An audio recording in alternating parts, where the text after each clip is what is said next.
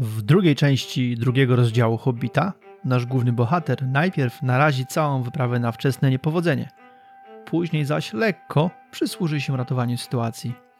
Dziś też poznamy bardzo ciekawą trójkę troli o nietypowych gustach kulinarnych. Zajrzymy też do jaskini pełnej ciekawostek i niezwykłych skarbów. Witam, nazywam się Maciej i będę Was gościł w uroczej gospodzie pod Zielonym Smokiem.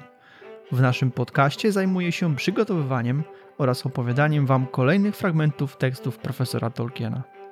A ja jestem Kasia i moja rola polegać będzie m.in. na wsparciu językowym, zwłaszcza jeśli przyjdzie nam zmierzyć się z językiem angielskim i zajmuję się też techniczną stroną obsługi podcastu oraz mediów społecznościowych.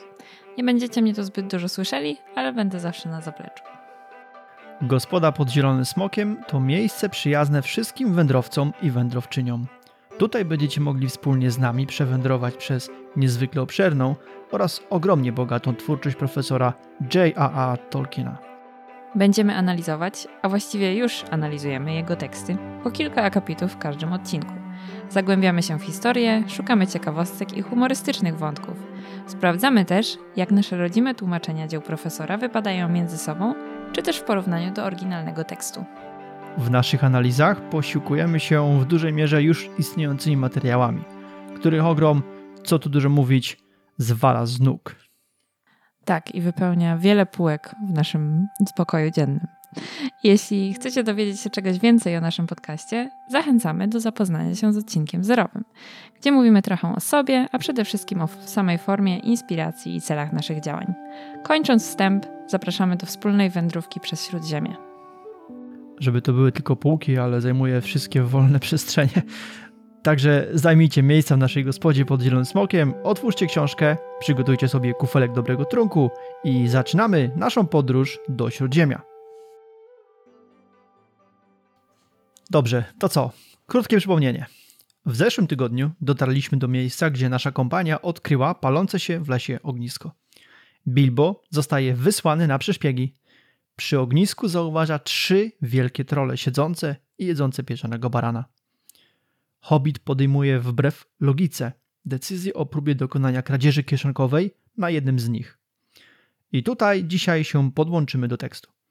Dla porządku dodam, że drugi rozdział analizujemy na podstawie tłumaczenia Pauliny Breiter-Ziemkiewicz. Zaczniemy więc dokładnie w tym miejscu, gdzie skończyliśmy poprzednio. Hobbit podkradł się za plecy trola Williama. Bert i Tom podeszli właśnie do beczułki. Bilbo zebrał się na odwagę i wsunął swą małą dłoń do ogromnej kieszeni Williama. Tkwiła w niej sakiewka. Dla hobita wielka jak worek. Ha, pomyślał, przekonując się nieco do swojego nowego zajęcia i ostrożnie ciągnąc zdobycz. To już jakiś początek. Istotnie, sakiewki troli lubią płatać figle. Ta zaś nie była wyjątkiem pisnęła, wynurzając się z kieszeni. William odwrócił się natychmiast i złapał Bilba za kark, zanim tamten zdążył uskoczyć za drzewo. Do licha, Bert! Spójrz tylko, co złapałem! Co to takiego? spytali jego towarzysze, podchodząc bliżej. Skąd niby mam wiedzieć? Co to jesteś? Bilbo Baggins, zło... hobbit!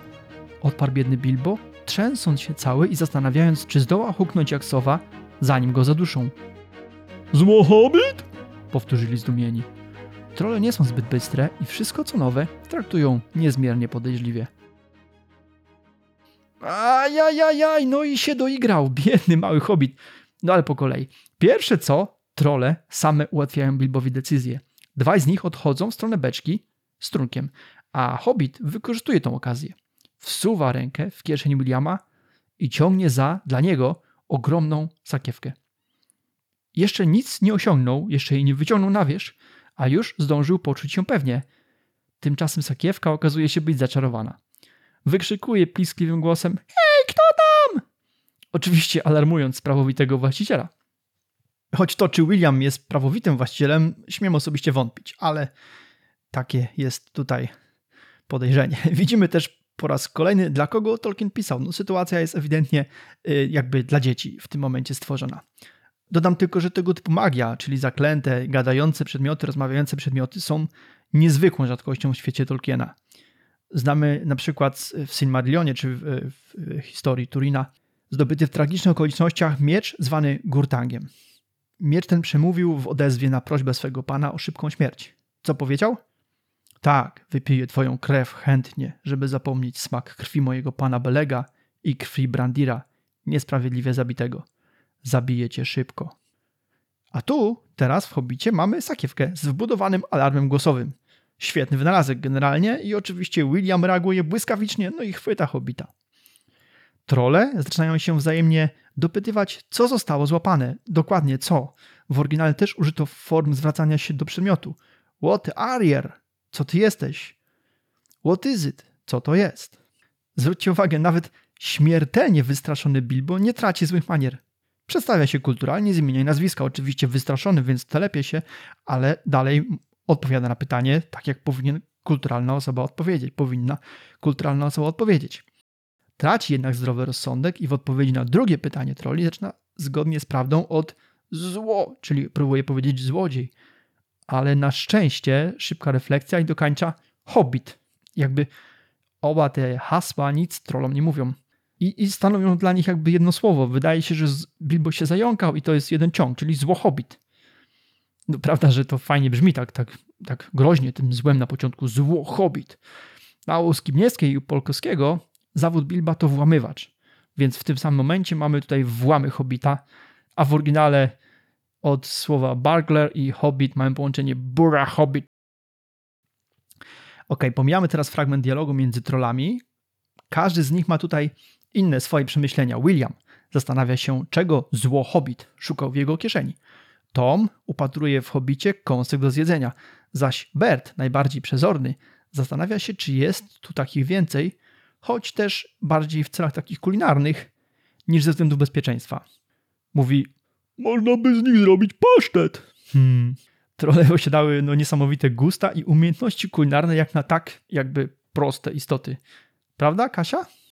Tak. Y, I co ciekawe, w oryginale Bert użył słowa pie i na podstawie Oxford English Dictionary, gdzie zawsze sprawdzamy znaczenie różnych słów, jest to a baked dish of fruit or meat and vegetables, typically, typically with top and base of pastry. I nasi tłumacze zastosowali tu różne wersje tego dania. Mamy więc pasztet w czytanym e, dzisiaj tłumaczeniu, siekankę u Polkowskiego i potrawkę u Skibniewskiej. Za chwilę przekonamy się o kolejnych preferencjach kulinarnych troli. Wracamy do dialogu w momencie, kiedy Hobbit poddawany jest raczej brutalnemu przesłuchaniu. Hej, ty paskudny mały szczurze! Czy jest tu więcej takich jak ty skradających się po lesie? Spytał, patrząc na włochate stopy Hobbita. Następnie chwycił go za palce u nóg, podniósł i potrząsnął. O, o tak, mnóstwo, rzekł Bilbo, zanim przypomniał sobie, że nie może wydać przyjaciół. A, ależ nie, a, ani jednego, dodał natychmiast. Co to ma znaczyć? spytał Bert, unosząc go ponownie, tym razem za włosy. To, to co mówię, odparł Bilbo, dysząc gwałtownie. Błagam, nie gotujcie mnie, łaskawi panowie. Sam jestem dobrym kucharzem i moje potrawy smakowałyby wam lepiej niż ja, jeśli rozumiecie, co chcę przez to powiedzieć. Przyrządzę wam coś pysznego, do, doskonałe śniadanie, jeśli tylko nie zjecie mnie na kolację. Biedny mały nicpoń, wesnął William. Najadł się już po dziurki w nosie i opił piwem jak bąk. Biedny mały gałgan, wypuśćmy go. Nie, póki nie wyjaśni, co to znaczy mnóstwo i ani jednego, zaoponował Bert. Nie życzę sobie, żeby poderżnęli mi gardło we śnie. Przypiesz mu stopy, to zacznie gadać. Nie zgadzam się, rzucił William. Zresztą to ja go złapałem. Tłusty dureń z ciebie, Williamie, odparł Bert. Jak już zresztą wspomniałem. A tyś gbor! Nie pozwalaj sobie, Bilu Hagginsie! Warknął Bert, sadzając pięść prosto w oko Williama. Słuchajcie, Bilbo jest w poważnych tarapatach. Wisi w powietrzu, trzymany za nogę bądź za włosy i musi odpowiadać na kolejne pytania. Bilbo jest przerażony. Berta ciekawić, nasz bohater, jest w lesie sam. Hobby, wiadomo, no on jest panicznie przestraszony, jest zestresowany i popełnia kolejny błąd. Wiadomo, on nie ma też doświadczenia w takich sytuacjach, jeśli ktokolwiek może mieć w ogóle. Zanim się zorientuje, że nie ma prawa wydać kompanii swoich przyjaciół, najpierw odpowiada, że jest ich wielu. by po chwili się zreflektować, dodać, ależ nie, ani jednego. Dwa razy w ciągu kilku chwil popełnia ten sam błąd. Najpierw odpowiada, zanim zdąży pomyśleć. Natomiast zgodzicie się ze mną, że będąc pierwszy raz w życiu w tak trudnej sytuacji, w zasadzie sytuacji zagrożenia życia, usprawiedliwia to w pewnym sensie no, całkowity brak rozsądku w tej sytuacji. Jednak Bert nie daje się zwieść, dopytuje dalej. Na co Bilbo w przypływie paniki błaga o litość, oferując trollom swoje znakomite usługi kulinarne. William, najedzony i opity, lituje się nad hobbitem i chce go wypuścić. Ale nie Bert. On chce się dowiedzieć, czy coś mu grozi. Zatrzymajmy się na chwilę nad tym błagalnym zdaniem Bilba. Kasia, przyjrzyjmy się oryginałowi, bo tylko oryginał odda geniusz Tolkiena. Dokładnie. Tutaj autor zastosował niezwykłą grę słów z wykorzystaniem wyrazu cook i jego różnych odmian, właściwie nie odmian, tylko znaczeń. Posłuchajcie. And please, don't cook me, kind sirs. I'm a good cook myself and cook better than I cook, if you see what I mean. I'll cook beautifully for you. Nieprzypadkowo Tolkien użył w jednym zdaniu czterokrotnie wyrazu cook, po czym powtórzył go znowu na początku kolejnego zdania. Takie gierki słowne to typowy profesor. Pierwszy raz, czyli don't cook me, oznacza oczywiście nie gotujcie mnie. Za drugim razem I'm a good cook, jestem dobrym kucharzem. Po chwili zaś dwa kuki w odstępie trzech wyrazów. Gotuję lepiej niż smakuje jako potrawa. Tutaj ciężko to, to prawidłowo przetłumaczyć. I po chwili mamy znowu I'll cook beautifully, czyli gotuję pięknie, doskonale dla, dla Was. I najbliżej takiej tyrady słownej był Polkowski, który trzykrotnie zastosował wyrazy podobne do przyrządzać, ale chyba zgadzacie się. Powtórzyć ten trik po polsku jest y, raczej nierealne. I z drugiej strony tutaj naszło mnie takie, takie przemyślenie, że tłumaczenie to sztuka sama w sobie. I im bardziej zgłębiamy się w tekst z każdym odcinkiem, tym bardziej doceniam i uświadamiam sobie, jak duży wpływ ma tłumaczenie na odbiór danego dzieła w danym kraju czy w danym języku. Ale nie da się ukryć, że nasi tłumacze wykonali kawał dobrej roboty, bo tłumaczenie profesora, który jest jakby wiadomo lingwistą i to perfekcjonistą w tym, co robi, jest niesamowicie trudne. Dokładnie. Tak, jest to takie idealne podsumowanie geniuszu Tolkiena. Dobra, za chwilę poprosimy Kasię jeszcze raz tutaj do, do nas, a teraz zajmiemy się e, przesłuchaniem Hobita. A więc jak mówiliśmy, William, on jest najedzony, pełny, już ma wszystkiego dość, najchętniej poszedłby pewnie spać i on okazuje litość. Natomiast Bert, Bert chce więcej informacji na temat tych sprzecznych faktów, które podał Bilbo. No i jak to trole w takiej sytuacji, co się dzieje, jeśli mamy różnicę zdań? No dochodzi do sprzeczki, najpierw słownej, z użyciem wyzwisk, aż w końcu Bert sprzedaje Williamowi kolokwialnego gonga i zaczyna się bójka. E, ten fragment tekstu pominiemy, a co się dzieje w tym fragmencie? A no, bardzo dużo i bardzo szybko. William i Bert okładają się, wyzywają i przepychają. Tom okłada ich gałęzią, chce ich uspokoić. Ale oczywiście efekt jest zgoła odmienny, to jeszcze bardziej rozsierdza tych dwóch walczących ze sobą troli. Bilbo, zachowując resztki rozsądku, ucieka poza krąg światła. Niemniej nie jest w stanie odejść ani kroku dalej przez obolałe, pozgniatane stopy. W tym momencie wydarza się coś, co zmienia kolej wydarzeń. Niestety na gorsze. Wracamy więc do tekstu. Bójka trwała w najlepsze, gdy przy ogniu zjawił się Balin. Krasnoludy słysząc z dala donośny hałas, przez jakiś czas czekały, by Bilbo wrócił do nich, bądź zahukał jak sowa, po czym ruszyły kolejno w stronę światła, tak cicho, jak tylko umiały. Gdy tylko Tom ujrzał Balina, ryknął ogłuszająco. Trole nie znoszą widoku krasnoludów. Rzecz jasna z wyjątkiem dobrze upieczonych. Bert i Bill natychmiast przerwali walkę, wołając jeden przez drugiego. Worek Tom, szybko! Zanim Balin, który zastanawiał się, gdzie podziewa się Bilbo, pojął, co się dzieje, na jego głowę opadł worek. Krasnolud runął na ziemię. Przyjdzie ich tu więcej, oznajmił Tom. Albo nie nazywam się Tom. Tacy jak oni łażą tylko stadami. To nie żadne złe hobity, ale krasnoludy, powiadam wam. Racja, zgodził się Bert. Najlepiej schowajmy się w ciemnościach. Dobrze, i teraz pierwsze, co w tym fragmencie rzuca się w oczy. Kolejny raz to Balin. Idzie jako pierwszy za hobbitem. Pamiętajcie, w poprzednim rozdziale on też stał i wypatrywał Bilba na początku tego rozdziału. Mówiliśmy o tym w odcinku piątym. On też, będąc na czatach, wypatrzył to feralne ognisko, czyli to on jest ten, który zawsze uważa, pilnuje, zwraca uwagę na to, co się dzieje dookoła nich.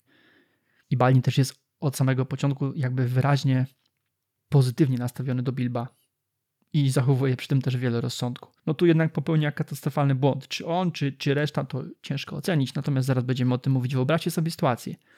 W kręgu ognia mamy trzech troli, którzy głośno tłuką się wzajemnie i wyzywają. Balin podchodzi od strony ciemnego lasu. To on, dużo przed trollami, widzi dokładnie sytuację, ma rozeznanie, co się dzieje. On widzi pierwszy. A te trzy bestie nie tylko są zajęte same sobą nawzajem, ale też mają oczy przyzwyczajone do światła, czyli nie mają szans zauważyć Balina, zanim ten nie podejdzie w zasadzie do samego ogniska. Dopiero wtedy będą go widzieli. Krasnolud mógł na spokojnie ocenić sytuację, wrócić do reszty, e, do pozostałych, kolejny raz przygotować plan działań. Ma, mają nadal asa w rękawie, czyli element zaskoczenia. No I kto jak kto, ale Balin, najstarszy, to jest, to jest krasnolud, który był doradcą wielu pokoleń krasnoludzkich królów. On powinien takie rzeczy przewidzieć nawet w tak trudnej, e, gwałtownej, szybkiej sytuacji. No tymczasem co robi? Włazi w światło jak mucha w lep, po prostu rozglądając się za hobbitem. Bilbo też nie pomógł. Trolle straciły go z polu widzenia i mógł Palinowi coś krzyknąć albo jakokolwiek go ostrzec. Być może sam go nie zauważył i też był zaskoczony, ale mógł ostrzec następnych, widząc co się dzieje. No niemniej Balin, oślepiony ogniem, sam wszedł gwałtownie w jego krąg, daje się złapać po prostu w worek trochę bardzo szybko się orientują i przechodzą w tryb bojowy, nazwijmy to, nienawidzą krasnoludów i reagują po prostu błyskawicznie. Balin zostaje złapany w worek. Tom i Bert już wiedzą, że zło hobbit chciał ich oszukać.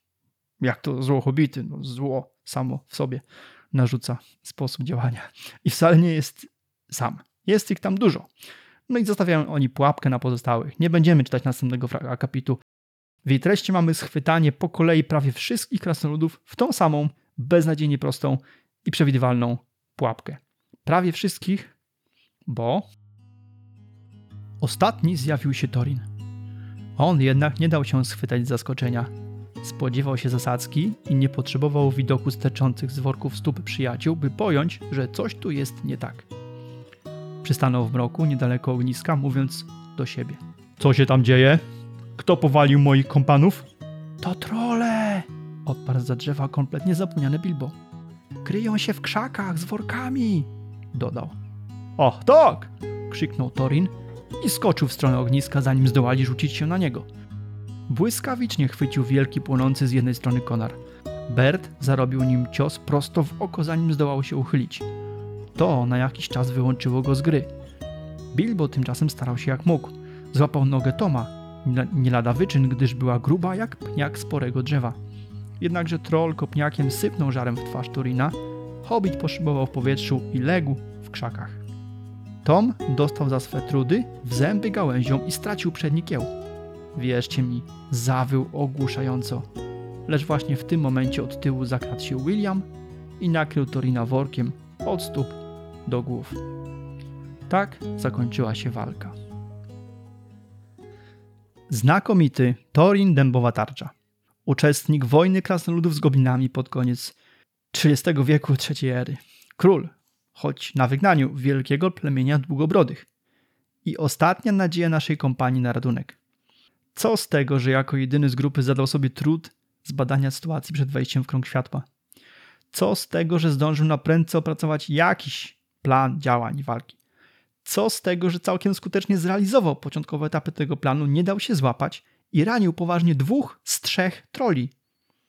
Nawet Bilbo zupełnie nieefektywnie włączył się do bójki i szybko został wyeliminowany. I co z tego wszystkiego, skoro trzeci troll zakończył pojedynek zachodząc krasnoluda od tyłu? Panie Torinie, przywódco wyprawy. Ja jestem laikiem, nie byłem w wojsku, nie znam się na technikach prowadzenia bitew z użyciem broni białej – Pan, panie Torin, znać na tym musi. I wysyła pan dwunastu kolejnych krasnoludów jeden po drugim na śmierć. Swoją drogą, kto z was grał w Lemingi? Pamiętacie taką gierkę? Trywialna, po prostu banalna gierka, w której grupka istotek na ślepo podąża w stronę umieszczonej na planszy zabójczej pułapki.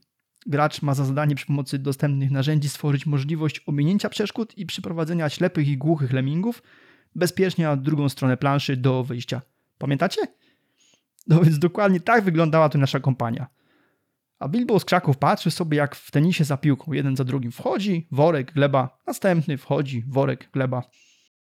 No masakra jakaś. No, ci goście chcą odbić wielkie królestwo pod górą. Z rąk bestii, nie wiem, stukrotnie potężniejszej, przebieglejszej, mądrzejszej od trzech głupkowatych troli. No a tu no, ręce opadają. No, Torin mógł wysłać, nie wiem, balinę na zwiat. Opracować plan, zaatakować zaskoczenia. Zobaczcie, on sam w pojedynkę związał w walce dwóch z trzech troli. Co by było, gdyby zaatakowali w zgrany sposób wszyscy naraz z 13 stron jednocześnie? No i kolejny przytyk do kompanii. Czemu? Na wielkie słonie. Czemu oni nie mają żadnej broni? Powtórzę, żadnej broni. No dobrze, co dalej? Cała kompania, za wyjątkiem kompletnie bezradnego Bilba, leży związana w workach przy ogniu. Tymczasem trójka troli przejawia kolejne kulinarne fascynacje, dokonując wyboru z pomiędzy trzech opcji przyrządzania krasnoludów. Upiec na wolnym ogniu, posiekać i ugotować, czy po prostu usiąść na każdym i zgnieść na miazgę. Dobra, wróćmy więc do tekstu. Może jest jeszcze jakaś nadzieja dla tej zgrai amatorów. I właśnie wtedy pojawił się Gandalf. Nikt jednak nie widział jego przybycia. Trole postanowiły właśnie upiec krasnoludy od razu, a zjeść później. Był to pomysł Berta i po długich sporach cała trójka zgodziła się nań. Nie ma sensu piec ich teraz, to zajmie całą noc. Powiedział jakiś głos. Bert sądzi, że to William, Nie zaczynaj na nowo dyskusji, Bill. rzekł. Albo istotnie zajmie nam to całą nockę. Kto to dyskutuje? Spytał William, który uważał, że głos należy do Berta. Ty! Odparł Bert. Ugasz! Rzucił William i tak kłótnia zaczęła się na nowo. Tolkien ma takie niezwykłe tendencje w swoich dziełach, nie tylko w Hobbicie, także we Władcy, do spoilerowania. Od razu podpowiada nam, kto uratuje kompanię. Za chwilę zaś poznajemy w jaki sposób czarodziej w mistrzowskim, w mistrzowskiej rozgrywce podtrzymuje lub roznieca na nowo spór o sposób przyrządzenia tych złapanych ofiar. Trole beznadziejnie tracą czas na dojście do konsensusu. W kolejnych fragmentach dialogu Gandalf jeszcze trzykrotnie doprowadza do wybuchu kłótni między trollami. Zatrzymajmy się na chwilę, bo jest tu pewne słówko w wersji oryginalnej, które strasznie mi się spodobało i poprosiłem Kasię o dokładniejsze przyjrzenie się. W jednym z fragmentów kłótni troli William i Tom używają słowa booby, a idzie to tak. You're a booby, said William. Booby yourself, said Tom. Prawda, że brzmi to hmm, pociesznie? A co to znaczy? Booby na podstawie Oxford English Dictionary to e, stupid person. E, Niemniej tłumaczenia tego słowa to takie miękkie przezwiska jak, jak e, głupek, głupol, cymbał, tempak, ciamajda. E, I ciekawie, bo równie śmiesznie brzmi to po angielsku, jak i po polsku. Nie uważacie, że słowo ciamajda pasowałoby idealnie do tej grupki troli? Ale tak się zastanawiam, czy ta Ciamajda tu by nie pasowała lepiej do tych krasnoludów, którzy tam wchodzili po prostu jak, nie wiem, jak muchy do lepa. Tak, w sumie zgadzam się. I, I swoją drogą, jeśli chcecie, żebyśmy zajęli się jakimś innym słowem z legendarium, czy to angielskim, czy też z tłumaczeń, e, czy języków też stworzonych przez Tolkiena, nie krępujcie się, napiszcie do nas. Jak zwykle w takich sytuacjach polecamy wysłać pytanie na gospoda małpa podzielonym.com. Z chęcią zanurzymy się w posiadane materiały i odszukamy dla Was co tylko się da. Dobra, wracamy do tych bubi złapanych, już uwolnionych. Jak mówiłem, czarodziej podtrzymuje kłótnie troli. Dlaczego? No wyjaśnienie jest oczywiście w tekście. Świt staje, co z was kamieniu uczyni? Zagrzmiał głos, który brzmiał zupełnie jak głos Williama, lecz do niego nie należał. Gdyż właśnie w tej chwili nad wzgórzami rozbłysło światło, a w zaroślach zabrzmiał głośny ptasi świergot. William nie odezwał się, bowiem zamarł zgarbiony w miejscu, obrócony w kamień. Bert i Tom patrzyli na niego, dwa kawałki skały. I stoją tak po dziś dzień samotni, chyba że przysiądzie na nich jakiś ptak. Trole bowiem, jak zapewne wiecie, muszą skryć się pod ziemią, zanim wstanie dzień. W przeciwnym razie zamieniają się z powrotem w materię skalną, z której powstały i nigdy już nie ożyją. to właśnie spotkało Berta, Toma i Williama. No i jest nasz bohater. Jupi! Kompania uratowana, bez strat. Mają szczęście. Nie da się ukryć. Zwróćmy uwagę na trzy ważne rzeczy. Po pierwsze, Tolkien bardzo skrupulatnie ukrył Gandalfa w tekście od pewnego momentu, nie wspominając o nim ani słówkiem. Tylko po to, żeby nagle przypomnieć nam o jego istnieniu. Część z nas zapewne myślała, że czarodziej już definitywnie opuścił grupę, a tu pstryk jest. W momencie, kiedy cała reszta była zasadzie o krok od śmierci. Po drugie, zwróćcie uwagę, jak profesor umiejętnie buduje napięcie i tworzy dynamiczne sceny. Kilka stron w książce opowiada o zdarzeniach z powiedzmy jednej godziny czasu, może nawet krócej, a czytanie wchodzi jak przysłowiowy nóż w masło. To jest też geniusz naszego Tolkiena. Po trzecie, popatrzcie na jeden ważny element. Zwróciło na to uwagę wielu badaczy twórczości profesora. Bardzo często wrogowie w tym legendarium giną pokonani przez ich własne słabości, umiejętnie wykorzystane przez siły dobra. Tak giną trole, podobnie zginie chociażby Sauron, a jest jeszcze parę innych przykładów z legendarium, a więc niekoniecznie siła, niekoniecznie broń, otwarta walka. Będziemy śledzić tego typu sytuacje w książkach profesora. I jeszcze jeden istotny fakt. Polanka, na której kompania spotkała trole, to ta sama polanka, na której około 80 lat później w zasadzie przerwę zrobią sobie czterej hobici i Aragorn w drodze do Rivendell. Oczywiście mówimy tutaj o wydarzeniach Władcy Pierścieni, pierwszego tomu. Istnieje jednak spora rozbieżność czasowa w dotarciu do tego miejsca. Chodzi o odcinek od rzeki, e, od przekroczenia mostu do tej polanki. Wiemy już, że krasnoludy z Bilbem przybyli na wieczór tego samego dnia, kiedy przekroczyli tą rzekę, Horwell. I to mimo żółwiego tempa podróży. Tymczasem pięcioosobowa ekipa z Władcy Pierścieni potrzebowała na to aż sześciu dni. A wiemy przecież, że Aragorn po pierwsze znał tereny, po drugie spieszył się i to bardzo, mieli ze sobą rannego Froda. Jawna niekonsekwencja raziła Tolkiena, bo był on świadomy tego, tej różnicy i podjął on próbę ujednolicenia obu wersji, jednak zaniechał te działania w ramach edycji z 66 roku. W efekcie ta spora różnica no, pozostała w obu książkach niezmieniona. Ok, słuchajcie, to skoro kompania jest już chyba bezpieczna, zrobimy krótką przerwę, a po niej zajmiemy się trollami. Ta ich zamiana w kamień może być dla Was ciekawostką, na którą warto się pochylić. Serdecznie witamy tych i te z Was, którzy odwiedzają naszą gospodę po raz pierwszy, a stałych słuchaczy dziękujemy, że jesteście z nami. I przypominamy, Gospoda pod Zielonym Smokiem to nie tylko podcast. Oczywiście można nas znaleźć na Instagramie pod Zielonym Smokiem, na Facebooku podcast pod Zielonym Smokiem i czekamy też jak zawsze na Wasze maile na gospoda małpa pod zielonym smokiem pisane razem.com. I jeżeli podoba Wam się to, co tutaj robimy, zachęcamy do wystawienia nam ocen i komentarzy oraz do zasubskrybowania kanału. Zachęcamy również do rozszerzania naszej społeczności. Jeśli macie znajomych, którzy mogą być zainteresowani wspólnym wędrowaniem przez dzieła Tolkiena, zaproście ich pod Zielonego Smoka. Nasza strona internetowa podzielonysmokiem.com zawiera linki do wszystkich odcinków wraz z przepisami, a także przebogatą bibliotekę książek obu Tolkienów, J.R.R. i Christophera, no i oczywiście też książek o Tolkienie. Zapraszamy też do dyskusji na wszystkich dostępnych kanałach. Jesteśmy otwarci na Wasze sugestie, podpowiedzi, komentarze i dodatkowe informacje, które pomogą się nam rozwijać. Dobra, to teraz duży margines w ramach dzisiejszego odcinka. Zajmiemy się nim w nim trollami. Pamiętajcie tylko jednym: pierwsi czytelnicy Hobbita nie znali tych faktów, które za chwilę przytoczymy. Mogli się z nimi częściowo zapoznać dopiero po wydaniu Władcy Pierścieni, czyli 17 lat później. Mm, oczywiście poszukam informacji w tekstach profesora i nie zgadniecie, kto będzie naszym pierwszym informatorem.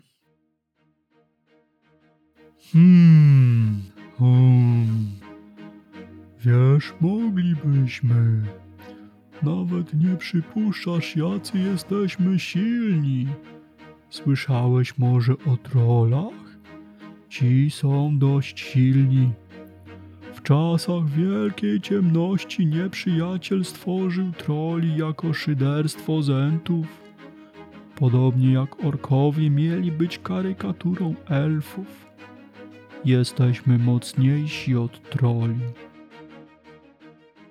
Tak, tak. Nie kto inny, jak sam drzewiec, Fangorn. Wielkie ciemności, tutaj podane przez drzewca, to czas pomiędzy zniszczeniem drzew przez Melkora i Ungoliantę, a pojawieniem się Słońca i Księżyca, czyli w zasadzie przed pierwszą erą świata. Trole zostały zapewne stworzone przez Melkora, czarnego pana, choć wiadomo, że nie mógł on powoływać do życia własnych istot. Mógł jedynie przekształcać istniejące. Stąd podejrzenie, że trole pierwotnie były bestiami, które Melkor w jakiś sposób przekształcił właśnie w taką formę, jaką znamy, czyli trole. Wiemy też, że od początku te istoty zamieszkiwały tereny na wschód i zachód od gór mglistych. Zaś w pierwszej erze w Beleriandzie odegrały szczątkową rolę. Dość powiedzieć, że w tekście Silmarillionu poza kroniką trzeciej ery, czyli tym, co nie dotyczy w zasadzie samego Silmarillionu, występują tylko jeden, jeden raz, ale za to w jednym z najważniejszych momentów legendarium, w ostatniej walce Hurina. Posłuchajcie króciutkiego fragmentu. W końcu Hurin został sam. Odrzucił wówczas tarczę i oburącz chwycił topór. Pieśń mówi, że ostrze topora dymiło później od czarnej krwi trolów, gwardzistów Gotmoga, póki nie skruszało. Kiedyś dojdziemy do tego fragmentu, jak będziemy omawiać Silmarillion, to będę po prostu w niebo wzięty, bo to jest fantastyczny moment. Ale teraz interesują nas te trole, czyli gwardziści Gotmoga. Gotmog był przywódcą Balrogów i najpotężniejszym dowódcą wojsk Morgota w czasie Bitwy Nieprzeliczonych Łez, czyli Nirnet Arnodiet. Właśnie on jako jedyny wykorzystywał trole jako swoją gwardię przyboczną i to, są jedyne, to jest to jedyne miejsce, gdzie trole właśnie są w Silmarillionie przytoczone. Większość tych istot wyginęła w czasie Wojny Gniewu, kończącej pierwszą erę świata. Te, które przeżyły, trafiły w ręce Saurona, który był następcą Morgota na czarnym tronie. Sauronowi udało się w końcówce trzeciej ery wyhodować trole odporne na światło słoneczne. Ten gatunek nazywa się Olok. Wszystkie inne typy troli miały tę samą słabość. Kontakt ze światłem słonecznym zamieniał je trwale w kamień. Według różnych źródeł trole w trzeciej erze zamieszkiwały tereny dawnego Angmaru. Wzgórza Ettenmoors to te właśnie wzgórza, z których zeszły nasze trzy trole w naszej książce. Zwiędłe wrzosowiska północne do rzeczy Anduiny, oczywiście Mordor czy na przykład też Morie. Podając za theonering.net mogły one mierzyć od 10 do 50 stóp, co daje od 3 do nawet 17 metrów wzrostu. Przy czym te 17-metrowe mm, to bardziej olbrzymy, które poznamy jeszcze w tej książce. Do tego miały bardzo masywną, toporną budowę, no i ogromną siłę. W zasadzie do czasów wojny o pierścień rzadko używało broni i zbroi. A jeśli już to bardzo proste takie w obsłudze maczugi, czy yy, jeszcze bardziej takie powszednie przedmioty. Ponadto trole bardzo wolno uczyły się mowy i posługiwały się uproszczonymi wersjami języka Mordoru czy wspólnego. Nigdy natomiast nie wykształciły własnego języka. Ok, rzućmy teraz okiem na to, co Tolkiena zainspirowało do użycia i zmodyfikowania troli na potrzeby własnego legendarium. Powszechnie wiadomo, że trole jako istoty istniały w kulturze przede wszystkim skandynawskiej od dawna. John Ratliff podaje w History of the Hobbit, że trole weszły do kultury angielskiej wraz z inwazją germańską w V wieku naszej ery. Ale w takiej formie przetrwały tylko w postaci legend i mitów. Natomiast w XVIII i XIX wieku pisarze angielscy zmodyfikowali trole do postaci niezbyt ładnych, ale koniec końców bardziej bajkowych stworów. Podobnie rzecz miała z elfami. Rattleleaf podaje doskonale przykład elfów z twórczości Conana Doyle'a jako latające wróżki niewielkich rozmiarów. Tolkien zaś ciągle optował za wersją germańską, a w konsekwencji skandynawską, bo to jakby pochodne wersje. W History of Middle-earth mamy kilka przykładów występowania w poezji troli z podobnymi do naszych właściwościami, czyli zamianie w kamienie pod wpływem światła słonecznego. Kasia teraz odczyta nam fragment sag północnych.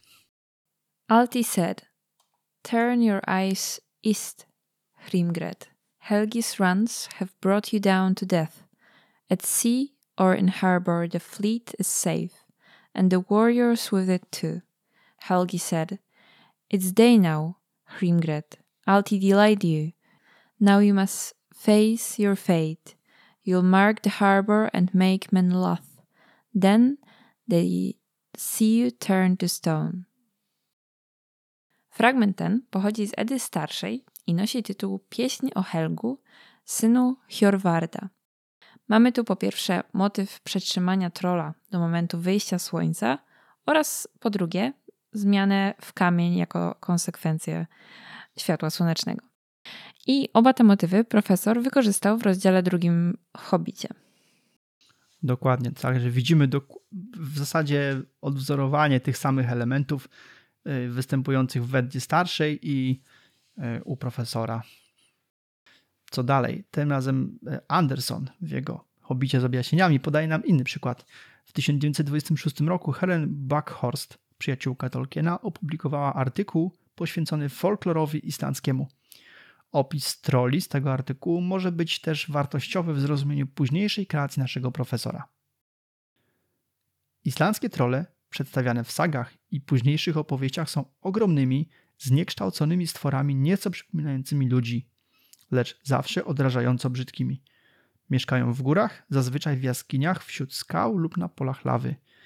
Niemal zawsze są złośliwe, często napadają na samotne gospodarstwa i porywają owce, konie, dzieci, a nawet dorosłych mężczyzn i kobiety, a ofiary pożerają w swoich górskich siedzibach. I jeszcze kawałek dalej, fragmencik. Niektóre rodzaje troli mają jedynie moc w ciemnościach. W ciągu dnia muszą się kryć w jaskiniach, ponieważ promienie słońca zamieniają je w kamień. Widzimy więc namacalne materiały źródłowe dla Tolkiena. We wcześniejszym fragmencie, którego nie czytaliśmy, autor w bezpośrednim zwrocie do czytelników mówi też: Niestety obawiam się, że trole właśnie tak się zachowują, nawet te jednogłowe. Do tego zdania też odniósł się Anderson. Mówi on, że trole z baśni często mają wiele głów, jak na przykład w zbiorze Czerwona Księga Baśni pod redakcją Andrew Langa. Ale tu akurat odniesienie jest do typowych baśniowych troli, z którymi Tolkien nie chciał być identyfikowany. I więcej żadna wzmianka o wielogłowych trollach w jego legendarium się nie pojawia. Oczywiście, już jako ciekawostka, możemy tylko spekulować, skąd się wzięły tak pospolite imiona naszych trzech śmiertelnie zabawnych wrogów: Bill, czyli William, Tom i Bert. Do tego jeden z nich ma typowo angielskie nazwisko Huggins. Tolkien w wersjach drugiej i trzeciej, czyli tych edytowanych, mógł przecież usunąć te imiona i nadać trollom bardziej pasujących do chociażby imion y, orków z Władcy Pierścieni. Nie zrobił tego. Myślę, że ta trójka na tyle mocno ugruntowała się już w kulturze i literaturze, iż nie było już realnie sensu próbować cokolwiek zmienić. Są też głosy wśród badaczy mówiące o potencjalnych, realnych osobach z czasów dzieciństwa profesora, które na tyle zaszły młodemu Tolkienowi za skórę, że zasłużyły na zaszczyt bycia głupkowatymi trollami. Ale to chyba tylko w formie żartu. Okej, okay, słuchajcie, trochę zajęło, ale mamy nadzieję, że wyjaśniliśmy pochodzenie i rolę troli w uniwersum Tolkiena. Nie pozostaje nam nic innego, jak wrócić do naszej kompanii. Przypomnę, przed przerwą dotarliśmy do chwili zmiany troli w kamienie. Było to efektem gierki, jaką przeprowadził Gandalf, wykorzystując naturalną skłonność tych istot do kłótni. I oczywiście no, brak zbytniego rozsądku także. Czarodziej wyłonił się za drzewa, pomógł wydostać się Bilbowi z krzaka, a następnie razem po kolei uwolnili krasnoludów. Oczywiście jak to oni byli niezadowoleni z faktu leżenia w workach i słuchania w jaki sposób będą za chwilę przyrządzeni. Chyba każdy by tak też zareagował. Hobbit opowiedział też, co się wydarzyło podczas jego zwiadu. I tu przeczytamy kolejny fragment. Nie najlepszą wybrałeś chwilę, aby sprawdzić swe zdolności kieszonkowca, zauważył Bombur. Gdy my pragnęliśmy jedynie ognia i prowiantu. Których i tak nie dostalibyście bez walki, wtrącił Gandalf. Zresztą tracicie tylko czas. Nie pojmujecie, że trole muszą mieć gdzieś w pobliżu jaskinię bądź kryjówkę, w której chroniły się przed słońcem? Musimy ją znaleźć. Rozpoczęli poszukiwania i wkrótce natknęli się na ślady kamiennych trollowych butów, wiodący pomiędzy drzewa. Podążyli za tropem w górę zbocza, aż w końcu dotarli do ukrytych w chaszczach drzwi prowadzących do jaskini. Nie mogli ich jednak otworzyć, chociaż wszyscy pchali co sił, podczas gdy Gandalf wypróbowywał kolejne zaklęcia. Może to na coś się przyda? spytał Bilbo, kiedy jego zdużeni towarzysze zaczynali już wpadać w złość. Znalazłem go na ziemi, w miejscu, w którym walczyły trole. Pokazał im klucz, całkiem spory, choć bez wątpienia William uważał, że jest bardzo mały i łatwy do schowania. Musiał mu wypaść z kieszeni. Na szczęście stało się to zanim jego właściciel zamienił się w kamień. Czemu do pioruna wcześniej o nim nie wspomniałeś? Wykrzyknęli. No więc mamy wszystkich całych i zdrowych. Bilbo opowiedział swoją historię i pierwsze co pada to pytanie, pytanie pretensja od Bombura. Czemu akurat, akurat teraz chciałeś ćwiczyć kieszonkostwo? No i potem dodał absurdalne, chcieli tylko ognia jedzenia. No, ciekawe, co on sobie myśli, że Hobbit, nie wiem, wykradnie tego barana, a wiemy, że o tym myślał, pamiętacie, w poprzednim odcinku. I jeszcze co, pożyczy jedną rozpaloną żagiew, żeby ogarnąć sobie własne ognisko? Na szczęście Gandalf szybko gasi pretensje krasnoludów i kieruje myśli wszystkich ku kryjówce troli. No bo wiadomo, że skoro y, muszą oni, żeby żyć, muszą mieć jakieś miejsce, w którym mogą się schować przed słońcem. Także musi to być takie miejsce, żeby ci nasi trzej głupkowaci przyjaciele, aktualnie zamienieni w kamień, mogli się y, dostatecznie szybko zdążyć schować, zanim noc przeminie. Znajdują wejście do jaskini, próbują na różne sposoby otworzyć. Scena trochę jak spod bramy Mori w filmie czy w książce Władca Pierścieni, w Drużynie Pierścienia. Nawet Gandalf próbował tych swoich zaklęć. Pamiętacie? Anno et Helen, edruch amen! Kiedy już wszyscy, nie ma tego oczywiście w tekście, to, to moje wtrącenie. Kiedy już wszyscy zaczęli się irytować, Bilbo wyciąga z kieszeni klucz, który wypadł Williamowi nie do wiary. Wyobraźcie sobie tą scenę? Krasnoludy się szarpią z tymi drzwiami, tam stukają y, kamieniami, kijami, tym co znajdą pod ręką, bo przecież przypominam, że nie mieli broni oczywiście. Gandalf te swoje cytaty z mądrych ksiąg wygłasza, a Hobbit sobie siedzi z boku, lekko znudzony, pewnie stuka sobie palcami jakiś tam kamień, pogwizduje, ogląda sobie, nie wiem, leśny krajobraz i podziwia grzyby, jakie rosną tam pod, pod nogami, a tamci coraz mocniej zirytowani. I Bilbo sobie tam zrywa słomkę, dłubie w zębach i kiedy już wszyscy są na skraju wybuchu nerwowego, depresji, głodu i zmęczenia, pamiętajcie przecież, kompania szuka pożywienia, bo jak po tym jak wpadł kuc do strumyka ze spiklerzem w zasadzie zaczyna im brakować jedzenia. Dopiero wtedy Bilbo uznaje, dobra, powiem im, że mam kluczyk, nie? I wyciąga ten znaleziony kluczyk. Okej, okay, pominiemy następny akapit. Oczywiście kluczyk pasuje i po wejściu do jaskini nasza kompania znajduje zarówno nietknięty prowiant, trochę skarbów, no i przede wszystkim kilka sztuk bardzo ładnie zdobionych mieczy. Gandalf i Thorin zabierają po jednym, a Bilbo przywłaszcza sobie niewielki nożyk, który dla niego może pełnić funkcję miecza. Przeczytajmy co, o, co nieco mm, o tych przedmiotach. Ostrza wyglądają solidnie. Czarodziej wysunął miecze z pochew i przyjrzał im się ciekawie. Nie są dziełem trola ani żadnego ludzkiego płatnerza. Wykuto je dawno temu i daleko stąd. Więcej dowiemy się, kiedy odczytamy pokrywające je runy. Wyjdźmy już z tej cuchnącej nory, wesnął Fili. Zabrali garance monet i prowiant, nietknięty przez trole, a nadający się do jedzenia oraz jedną baryłkę piwa, nadal pełną i zamkniętą. Nastała już pora śniadania, a że byli bardzo głodni, nie kręcili nosem na to, co zawierała spiżarnia troli. Ich własne zapasy były bardzo skąpe, teraz zaś mieli chleb, ser, mnóstwo piwa i boczek – który mogli usmażyć w żarze ogniska. Potem zaś zasnęli, gdyż nocne przeżycia wyczerpały ich do cna. Obudzili się dopiero po południu. Wówczas to sprowadzili kucyki, przynieśli garnce złota i zakopali je w sekrecie w pobliżu traktu, nad rzeką, rzucając przy tym wiele zaklęć na wypadek, gdyby nadarzyła im się szansa powrotu i odzyskania skarbu. Wreszcie znów dosiedli wierzchowców i ponownie ruszyli ścieżką dalej na wschód. A więc pierwsze, co Gandalf stwierdza po oględzinach, to są świetne miecze, że zrobiono je dawno temu przez bardzo dobrego płatnerza i nie człowieka. Wspomina też o tym, że są pokryte runami. Nie podejmuje się jednak próby odczytania run, którymi pokryte są ostrza. Dlaczego? Spora grupka badaczy twierdzi, że Gandalf nie potrafił, ale szczerze jest to mało możliwe. Nie wierzę, że czarodziej mógłby tego nie potrafić. Mogło być tak, że miecze były pokryte, nie wiem, błotem, krwią czy czymś innym i nie było opcji i czasu na czyszczenie i czytanie tu i teraz. Jest też teoria, za którą opowiada się większość badaczy Tolkiena, że w tym momencie Gandalf nie podjął się czytania świadomie.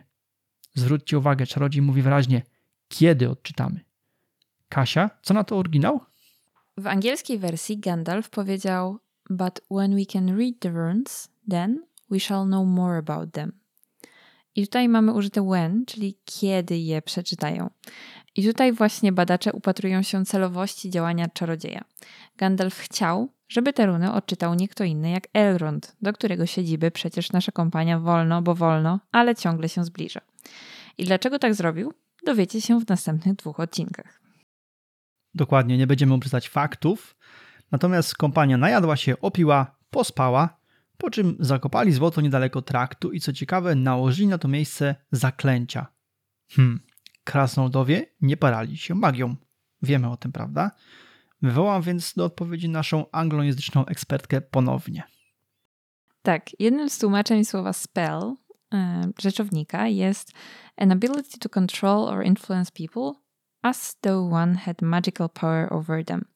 Czyli to jest umiejętność kontrolowania i wpływania na osoby tak, jakby miało się nad nimi magiczną kontrolę. E, I można powiedzieć, że jest to zdolność, która sprawiała wrażenie nadprzyrodzonej, magicznej władzy, ale tylko wrażenie. I tutaj myślę, że można to porównać do znanego w naszej tradycji, czy też w polskim języku zaklinania.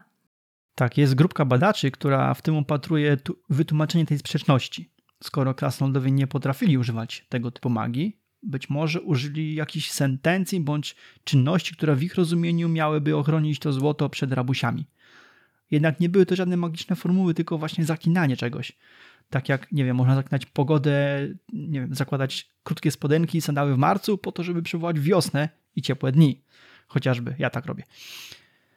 Więc być może krasnoludy na przykład zakopały skarby nie wiem, tuż przy krzaku paproci, bo to przynosi szczęście, albo tuż obok ułożyły szyszki na stertę, bo to odgania poszukiwaczy skarbów. Jest jeszcze inna teoria. Autor pisze w liczbie mnogiej, że zakopali, a potem rzucili zaklęcia. Niemniej uważam, że dotyczy to grupy jako całości. Natomiast śmiem twierdzić, że Gandalf po pierwsze nie trzymał w ręce łopaty do zakopywania. On do tego nie przyłożył ręki. To zrobili krasnoludowie być może z pomocą hobita. Natomiast jednocześnie w tym samym e, wydarzeniu cała reszta nie przyłożyła ręki do rzucania zaklęć. Czyli tym razem to Gandalf rzucił zaklęcia, a krasnoludowie stali z boku i patrzyli. Ale jakby autor tutaj pisze o całości, o, o grupie jako całości, czyli ta 15-osobowa grupa, e, liczba mnoga jest użyta prawidłowo. Zakopali jako grupa, obłożyli zaklęciami jako grupa, ale kto konkretnie wykonał poszczególne zadania, nie zostało powiedziane. Dobra, słuchajcie, zbliżamy się do końca tego rozdziału. Za chwilę ostatni czytany fragment. Będzie to krótki dialog Torina z Gandalfem, który jest genialny w swojej prostocie i oddaje w 100% charakter czarodzieja. Gdzież to zniknąłeś, jeśli mogę spytać? Odezwał się Torin do jadącego obok Gandalfa. Rozglądałem się, odparł czarodziej. A co sprowadziło cię w samą porę? Obejrzałem się za siebie, wyjaśnił tamten. Właśnie, nacisnął Torin. Może mógłbyś wyrazić się jaśniej? Przerwę na chwilę, bo ten dialog w oryginale, zwłaszcza odpowiedzi czarodzieja, brzmią genialnie. Kasia, przeczytaj oryginał.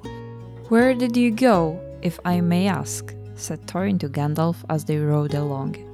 To look ahead, said he. And what brought you back in the nick of time? Looking behind, said he. Prawda, że genialne to użycie look ahead i za chwilę looking behind. To taka czysta kwintesencja geniuszu naszego tutaj profesora J.R.R. Tolkiena. Dobra, yy, przerwaliśmy, a wracamy dalej. Gandalf odpowiada w dalszym fragmencie na pytanie wcześniejsze Torina, czyli czy może mógłbyś wyrazić się jaśniej. Pojechałem, aby zbadać dalszą drogę. Wkrótce stanie się ona trudna i niebezpieczna. Pragnąłem też uzupełnić skromne zapasy. Nie dotarłem jednak zbyt daleko, natknąłem się bowiem na paru przyjaciół z Rivendell. Co to takiego? spytał Bilbo. Nie przerywaj! upomniał go Gandalf. Jeśli nam się poszczęści, dotrzemy tam za parę dni. Wówczas dowiesz się wszystkiego. Jak już mówiłem, spotkałem dwóch wysłanników Elronda. Podróżowali pospiesznie z lęku przed trollami – to właśnie oni powiadomili mnie, że trzy trole zeszły z gór i osiadły w lasach niedaleko traktu. Wystraszyły wszystkich z całej okolicy i odtąd żerowały głównie na przybyszach. Natychmiast ogarnęło mnie przeczucie, że jestem tu potrzebny. Oglądając się za siebie, ujrzałem w oddali ogień i skierowałem się w jego stronę. Teraz już wiesz. Proszę, następnym razem bądźcie ostrożniejsi albo nigdy nie dotrzemy do celu. Dziękujemy ci, odparł Torin. No, a ty, czarodzieju, mógłbyś poinformować grupę, jak się od niej oddalasz. Nieprawdaż? De facto pierwszym błędem i pierwszą przyczyną całej tej sytuacji było właśnie to. Gandalf oddalił się bez żadnego słowa, w zasadzie w środku dnia. moim zdaniem, jako przewodnik tej grupy, bo niewątpliwie nim był, mógłby opuścić tą grupę, gdyby zostawił ich w rozbitym obozowisku z zapewnionym bezpieczeństwem. Niemniej dowiadujemy się co nieco o okolicy. Zbliżamy się z kompanią do Rivendell. Bilbo, słysząc tę nazwę, przerywa Gandalfowi w napadzie podniecenia. A wiecie, co to oznacza? Jak hobbit, wbrew zasadom kultury, przerywa i wskakuje komuś w środek zdania? No oczywiście, odpalił się tuk. Baggins w ten sposób by nigdy nie postąpił. Nazwa Rivendell budzi tak ogromną pozytywną ciekawość, że matczyny gen uruchamia się z całą mocą. No i co dalej? Gandalf mówi, że spotkał dwóch elfów, którzy ostrzegli go przed trójką troli, co to terroryzują okolice. To natychmiast zwróciło uwagę czarodzieja w stronę mm, ognia. No i resztę już znamy. Na sam koniec Gandalf udziela reprymendy Torinowi. Nie do końca słusznej, bo jak już mówiłem na początku, no to on skiepścił tą sytuację. On zaczął. Dumny krasnolud jednak reaguje niespodziewanie, ale pozytywnie. Dziękujemy ci, odpowiada. No szczerze, w tej sytuacji spodziewałbym się od niego jakiejś riposty, chociażby zwrócenia uwagi, no ale dlaczego nas zostawiłeś? A on nic nie mówi. Dobrze, słuchajcie, przebrnęliśmy przez ten arcyciekawy rozdział. No, kompania przeżyła pierwszą znaczącą przygodę i przy odrobinie szczęścia oraz dzięki przebiegłości Gandalfa została z niej cało i zdrowo wyratowana, choć było już krucho. Bilbo zaś zaliczył pierwszą złodziejską misję zakończoną raczej niepowodzeniem, choć zdobyte doświadczenie zaprocentuje na przyszłość. Nie da się ukryć, że praca nad tym całym rozdziałem, tymi trollami, tą całą historią i tymi dialogami, nad tymi dwoma odcinkami w ogóle podcastu przyniosła nam niezłą frajdę. Fajne te trolle. Groźne, ale fajne. No ale to by było na tyle, jeśli chodzi o dzisiejszy odcinek. Dziękujemy Wam bardzo za czas spędzony pod Zielonym Smokiem. Pamiętajcie, że czekamy na Wasze maile i pytania w mediach społecznościowych. Postaramy się też najciekawsze zagadnienia czy komentarze poddać publicznej analizie na łamach tegoż podcastu. Nie zapomnijcie też kliknąć subskrypcji w Waszej ulubionej aplikacji. Przepisy do wykorzystanych w tym epizodzie cytatów oraz innych materiałów znajdziecie w bibliografii odcinka na naszej stronie internetowej. Tam mamy też pełną, bardzo bogatą bibliotekę książek i innych mediów, z których korzystamy tworząc ten podcast. A w oczekiwaniu na następny odcinek zapraszamy do przeczytania kolejnego fragmentu tekstu. Bądźcie gotowi, bo już za tydzień Zaczynamy trzeci rozdział Hobbita zatytułowany Krótki odpoczynek. I jak to było w filmie? But where is he leading us? Rivendell Master Gamgee to the House of Elrond. Did you hear that? Rivendell, we're going to see the elves. Tak więc do usłyszenia w podcaście pod Zielonym Smokiem za tydzień. I jak mówił Gandalf, niech wiatr niesie wasze skrzydła tam, gdzie słońce żegluje i gdzie przechadza się księżyc.